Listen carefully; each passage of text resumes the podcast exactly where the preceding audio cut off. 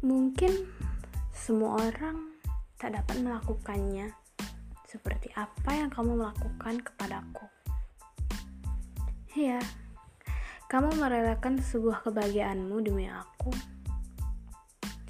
Semua tentang aku, apa pun hal itu.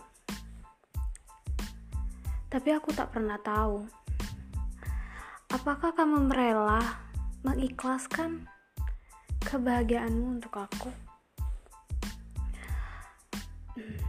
Hanya Tuhan yang tahu, dan dirimu saja.